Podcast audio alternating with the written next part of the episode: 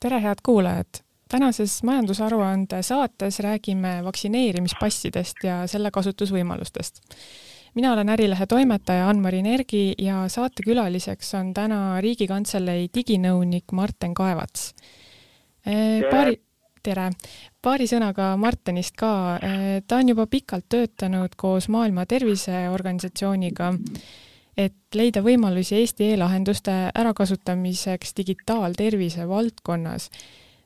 koroonapandeemia ajal sai aga Martenist eh, eestkõneleja selles, et Euroopa Liit võtaks digitõendi usaldusväärsuse tagamiseks kasutusele just Eestis välja töötatud lahendusi. Ehm, ja taustaks veel nii palju, et vaktsineerimispassiga on toimunud siin ka viimasel nädalal äh, suuri edasiliikumisi, võiks öelda, et võib-olla isegi tavatult äh, kiireid. Äh, nii andis sel nädalal koroonapassile rohelise tule Euroopa Parlament, et lõplik määrus paika saada ja digitõendi saaks ka suvel juba kasutusele võtta ning ka Eestis peaks nüüd kohe-kohe valmima Eesti vaktsineerimissertifikaat mida siis saab äh, iga inimene tõenäoliselt siin kas selle nädala lõpus või, või järgmise nädala algusest enda digiloost ise vaadata. Ehm, Marten, sinu käest ma ikkagi alustuseks küsiksin ähm, selle kohta, et on suhteliselt segane see, see teema, et iga riik nüüd teeb siis iseenda passi, siis samas teeb Euroopa Liit midagi ja sina toimetad siis Terviseorganisatsiooni juures, et et kuidas see mm, niimoodi võib-olla lihtsustatult äh, lahti rääkida natukene, et, et äh, miks igaüks omas nurgas nokitseb? Äh, see on tõsi, et see on äärmiselt segane ja niisugune sogane vesi, milles, milles ulpida. selle eesmärk ja, ja, ja põhjuseid on hästi mitmeid ja, ja ilmselt pigem võib-olla vajab käsitlust mingisuguse avaliku sektori enda uurimise objektina aga, aga niimoodi lihtsustatud olukord on jah niisugune, et äh, noh, Maailma Terviseorganisatsioon ehk siis WHO, nende niisugune algne ja traditsiooniline mandaat ehk siis nende ülesanne on olla standardeid loov organisatsioon. ja nüüd äh, WHO on jah võtnud endale asjaks siis luua see nagu ühtne standard ja, ja see on nüüd siis selle jaoks vajalik, et, et kõik need sada üheksakümmend neli erinevat ÜRO liikmes, liikmesriiki kes, äh, kes on iseseisvad ja sõltumatud oma lahenduste loomisel, see, see on nagu üks äh, keerulisuse taga olev asi, et kõik ongi iseseisvad ja sõltumatud, siis WHO juures luuakse siis seda globaalset standardit, mis koosneb kolmest asjast. koosneb andmekoosseisust ehk siis, et mis andmeid kus näidatakse, äh, koosneb ka tehnilistest standarditest, millele need, mille abil need andmed liikuda saavad. Ja kolmas osa, mis on väga tähtis on nii-öelda see usaldusraamistik, mis suudaks siis siduda kõik need sada üheksakümmend neli erinevat äh, lahendust, mis, mis globaalselt erinevatel riikidel tulemas on, justkui nagu üheks tervikuks. ja noh, selle eesmärk on siis see, et kuidas siis ütleme, Kambodža piirivalvur saab usaldada andmeid, mis tulevad siis ütleme Eestis Terviseametist, lihtne näide. ja nüüd Euroopa Liit tuleb siia mängu sellepärast, et äh, mis on iseenesest väga nagu äh, objektiivne ja õige mõte on see, et eh, noh, läbi aegade Maailma Tervisehoiuorganisatsioon ei ole ilmtingimata hiilanud digi, digi, digitervise lahendustega. et tegemist on suhteliselt konservatiivse, eh, noh, ma ütleks isegi vettin mäkrade kambaga, eh, kes ei ole harjunud liikuma kaasaegsete tehnoloogiate põllul. ja, ja Euroopa Liit siis mõtles, et nemad teevad oma eraldiseisva usaldusraamistiku ja selle põhjuseks on peaasjalikult see, et just nimelt, et kuna nad ei ole kindlad, kui kiiresti WHO liikuda saab sellega ja teine teema, mis on nagu hästi-hästi oluline, on see, et vot Euroopa Liit on äh, läbi aegade sellise nagu nii-öelda inimkeskse andmeeetika eestkõneleja, ehk siis, et, et, et noh, meie me,, meil on nagu tegelikult on normaalne see, et, et noh, et kõik need andmed, mida siis näiteks riik kogub, need ei ole riigi omad äh, ja nii edasi. ehk siis, et sedasorti nagu niisuguses üldisemas väärtuselises äh, vestluses, äh, kui Euroopa Liit teeb oma usaldusraamistikku, siis ta saab tegelikult äh, paremini kanda neid niisuguseid eetilisi ja, ja liik-, vaba liikumise ja, ja inimõigustega seotud väärtusi noh, läbivalt oma süsteemi. ja see on tõesti teinud selle asja natukene keerulisemaks. aga, aga, aga noh, selles mõttes tehniliselt äh, on, on, on need kõik võimalik, on kenasti kokku panna ja, ja töö ja pusimine käib, jah. aga kui nüüd suvel tähendab, eesmärk on võtta see suvel kasutusse, selle mõte on ikkagi siis saada Euroopa sees liikuma või? Euroopa Liidu lahenduse puhul küll, jah. et, et Euroopa Liidu lahenduse eesmärk on tagada inimeste vaba liikumist, mis on nagu üks põhilisi Euroopa Liidu ju eesmärke. et selleks, et see saaks juhtuda ilma mingisugustesse tohututesse bürokraatlikesse tekeldustesse sattumisega ja usaldusväärselt, siis selle jaoks on seda vaja mm. -hmm. nüüd äh, see, kuidas see nüüd liikuma hakkab, on tõesti see, et nüüd piloodis äh, osalevad, mis peaks olema siis juuni alguses, mingisugune hulk Euroopa Liidu liikmeid. Nende hulk on kindlasti kogu aeg kasvav. Ähm, ja, ja see Euroopa lahendus on tõesti mõeldud ainult Euroopa Liidu siseselt. isegi kui nad on öelnud, et nad tahavad siin tohutult piloteerida, siis selle peamine tegelikult äh, probleem saab olema see, et riikidel endal ei ole neid omaenda vaktsineerimissertifikaate valmis. see on seesama asi, mis siis meil nüüd see nädal välja tuleb äh, tervise ja heaolu infosüsteemide keskuse poolt mm. -hmm. et, et see peamiseks takust, takistavaks teguriks saab olema tegelikult see, et, et riik võib tahta igasuguseid asju püsti panna, aga, aga kuna tegu on avaliku sektoriga ja hangete ja privaatsuse ja õigusruumi küsimustega kõigiga korraga siis see võib võtta aega. ehk siis, et ma ei ole päris kindel, et see, see, et siis noh, et see päris nii ei tööta, et kui näiteks äh, võetakse see Euroopa Liidu õigusakt vastu, äh, et siis kohe järgmisel päeval hakkab asi tööle. üldiselt ei hakka, sellepärast et, et noh, kõik need teised riigid peavad rakendama ja, ja ellu viima mingisugused protsessi muudatusi ja see kõik võtab aega, sellepärast et noh, tegemist on ikkagi avaliku sektoriga, mis äh, mitte ilmtingimata ei ole kõige kiirem mm. -hmm mis saab eh, väljaspool e-, Euroopa Liitu, on sul seal ka mingisuguseid visioone, et ehm, ja, ja no. kui liita siia veel tegelikult ju ka see, et eh, vähemalt mina saan aru, et riikidel puudub ka usaldus ainuüksi juba kõikide vaktsiinide vastu, et mis on eri kohtades heaks kiidetud, mis ei ole, mm, et kuidas see pass siis peaks veel väljaspool EL-i tegema seda reisimist lihtsamaks, et ehm, väga palju vastuolusid no.? on äärmiselt palju vastuolusid ja kui sa küsid, et kas mul on mingisuguseid visioone, siis noh, on muidugi, aga, aga siin kohapeal on nagu, tasub alati vaadata tagasi Woody Alleni äh, siuksele kuulsale tsitaadile, et kui sa tahad jumalat naerma ajada, siis räägi talle oma plaanidest. et, et me oleme jah, tegelikult meil on täitsa konkreetne plaan ja ettepanek Maailma Tervishoiuorganisatsioonile esitatud äh, me oleme jõudnud nii-öelda nagu lõppvooru. Äh, see tähendab siis seda, et on nagu kaks konkureerivat lahendust, äh, kes, kes siis äh, rinda pistavad ja, ja üritavad, üritavad nagu pakkuda viisi, kuidas on võimalik globaalset usaldust ehitada. aga probleem on minu meelest nagu selles, et, et kui noh, päris aus olla, siis mina isiklikult hetkel tunnen praegu ennast niisuguse kohe-kohe tärkava globaalse geopoliitilise skandaali epitsentris olev ekspert vilepuhuja no. mis tähendab seda, et, et nii-öelda see praegune peamine lahendus, mis WHO siis kuulutab. selle taustaks on oluline seletada, et ma olen nende samade inimestega olnud nagu kaks korda nädalas koosolekul viimased poolteist aastat, ma tunnen kogu seda ökosüsteemi läbi ja lõhki, kõiki neid inimesi ja, ja neid organisatsioone ja noh, see nii-öelda kivi tilgutamine on üks sihuke päris nagu kannatust nõudev töö. aga, aga, aga see praegune lahendus, mida WHO siis niimoodi aktiivsemalt promob, äh, see laias laastus äh, muudab selle Maailma Tervishoiuorganisatsiooni äh, noh, suhteliselt aktiivseks globaalse ebavõrdsuse ehitajaks. ehk -hmm. siis, et lihtsustatult eelistab rikkaid riike ja, ja ütleme, ahistab neid veidikene vaesemaid riike kus võib-olla ei ole nii palju raha, võib-olla ei ole nii palju oskusi. Ja, ja noh, antud hetkel minu niisuguse meeskonna ja, ja analüütilise töö tulemusena on see, et, et see selline usaldusraamistik, mida, mida WHO on siis niimoodi hakanud nagu promoma, et noh, selle globaalne rakendumine ja kui ma ütlen globaalne rakendamine, siis see tähendab seda, et kõik sada üheksakümmend neli erinevat riiki on selle kasutusele võtnud ja liitunud sellega. noh, praeguse maailma parima praktika juures võtab neil kolmkümmend viis koma kuus aastat aega. ja, ja, ja see ongi see noh, ütleme lihtsustatult see peamine kriitika äh, Maailma Tervishoiuorganisatsiooni suhtes äh,. et noh, mulle tundub, et maailmal ei ole aega kolmkümmend viis aastat aega, et seda Covidi pandeemiat nagu proovida lahendada ja aga kuidas see, kuidas see ikkagi ebavõrdsusega seondub siis, et eh, kas seal on vaja mingeid IT-kulutusi teha riikidel või, või kuidas?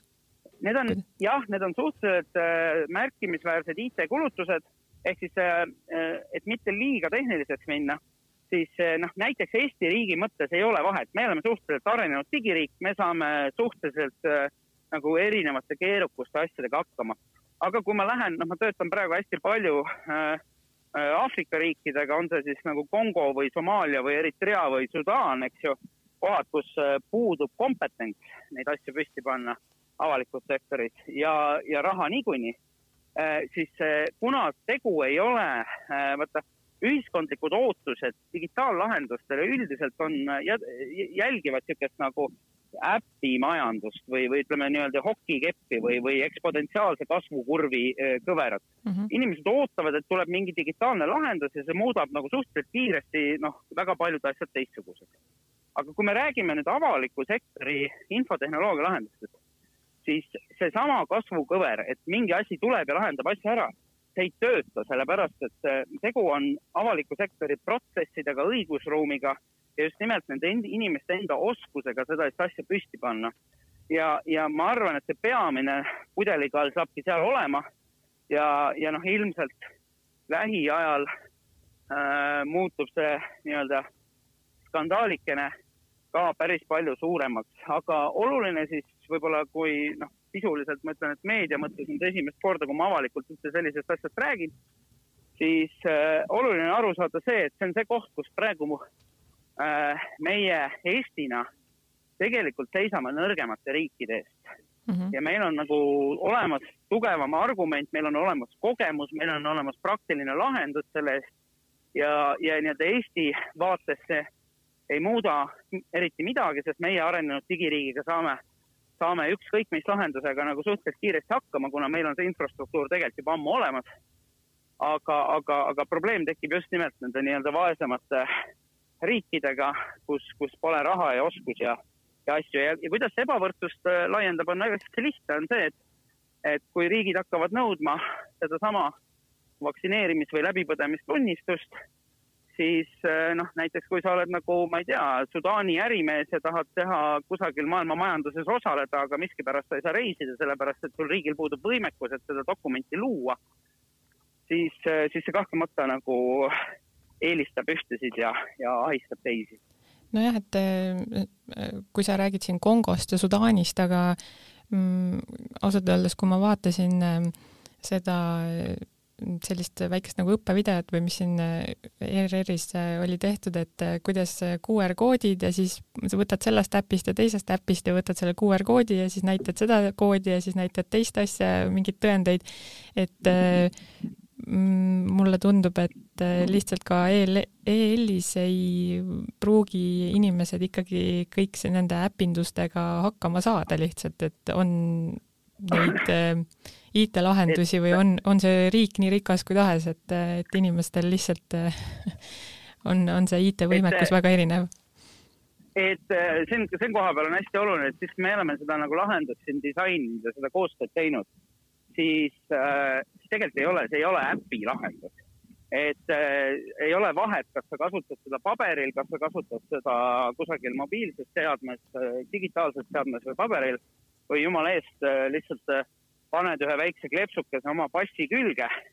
et, et, et, et see ei ole teema, küll kindlasti on teema see ja see ongi nüüd selle avaliku sektori infotehnoloogia iseärasus on see sama nii-öelda kasutaja mugavuse eesmärk, aga kasutaja mugavuse pärast, aga algus kindlasti siin on nii-öelda kasvuraskusi.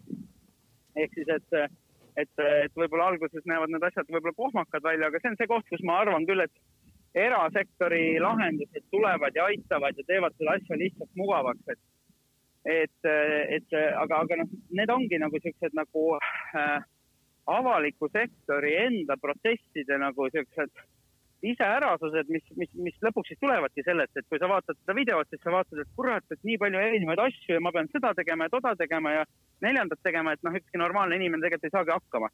ainult tegelikult on kõik siuksed nagu ütleme äh, lihtsalt näited sellest, et avaliku sektori enda keerukus on kohati läinud noh, ütleme liiga paksuks liiga suureks ja, ja, ja selle protsessi tulemusena tekivadki siuksed segadused. aga ma olen üsna kindel, et need segadused lahenevad ära ja teine asi on just seesama, et et, et see ei ole kindlasti äpi taga, et, et, et need riigid, kus äh, saavad paberi peal täpselt sama hästi seda teha ja ja ei ole väga vahet. Mhm. ja no üks asi, mida ka ikkagi ju äh, järjest rohkem rõhutatakse, et see digitõend ei ole mingisugune reisidokument, et see nüüd isegi kui kõik riigid nii-öelda võtavad selle kasutusele, siis igal riigil on äh, oma äh, õigus äh, noh, ikkagi seada tingimusi, et mida see digitõend siis nende jaoks tähendab.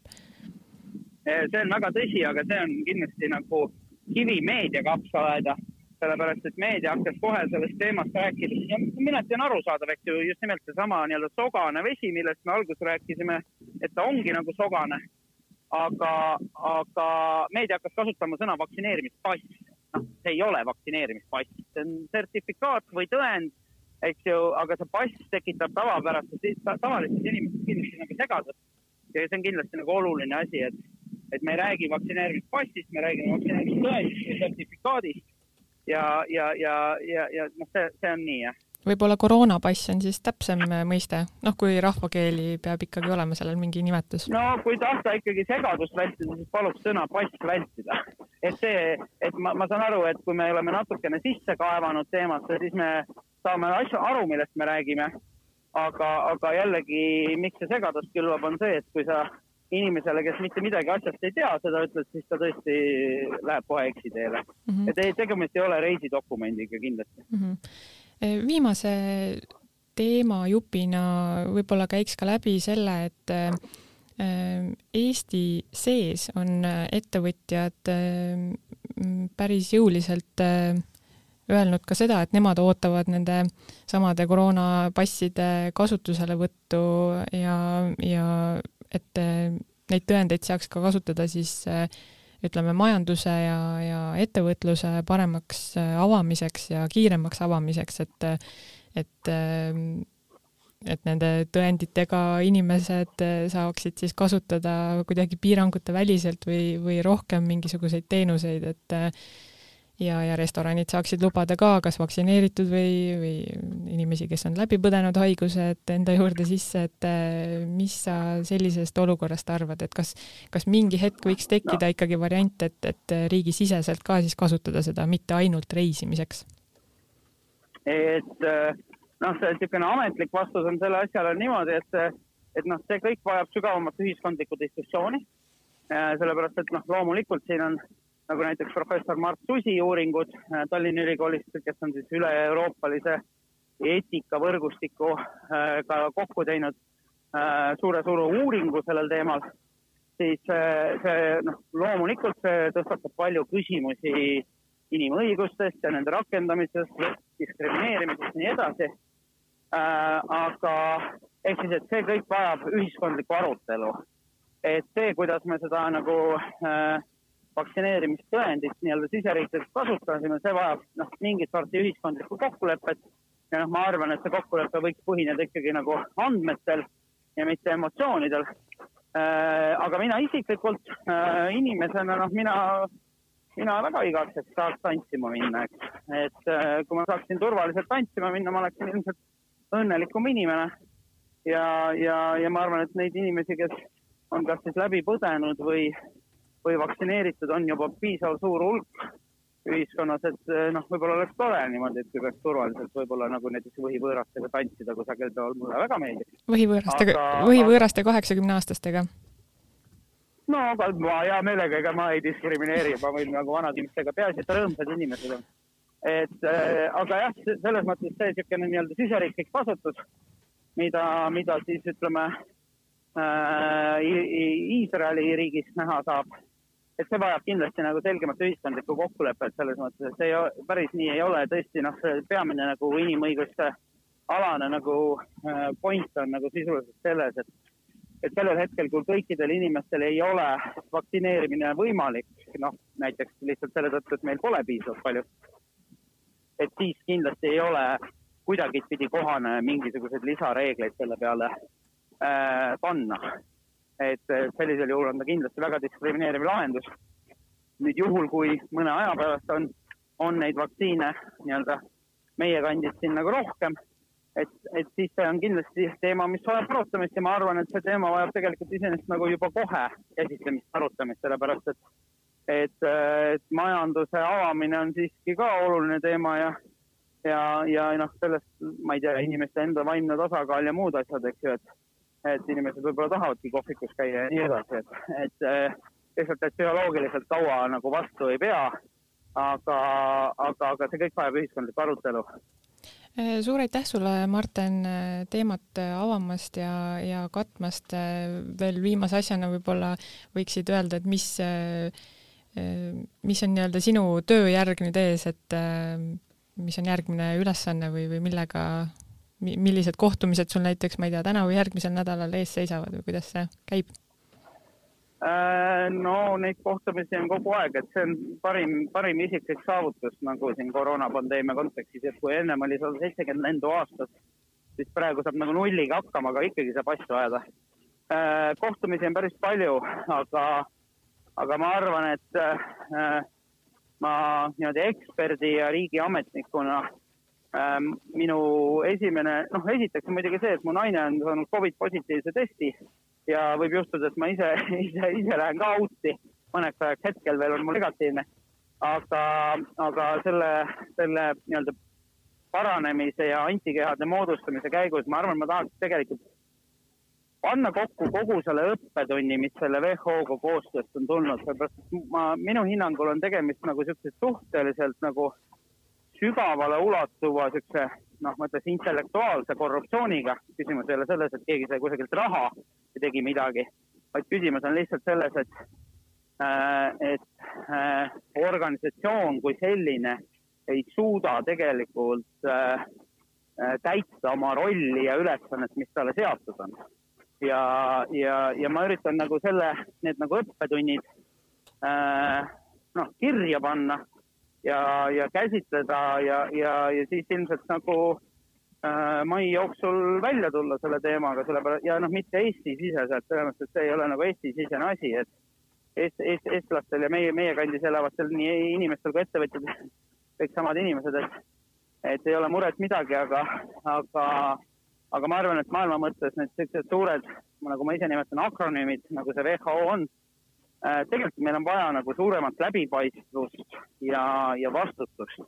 selles mõttes, et avaliku sektori organisatsioonidega on tihti see häda, et, et keegi teeb, aga kes see teeb?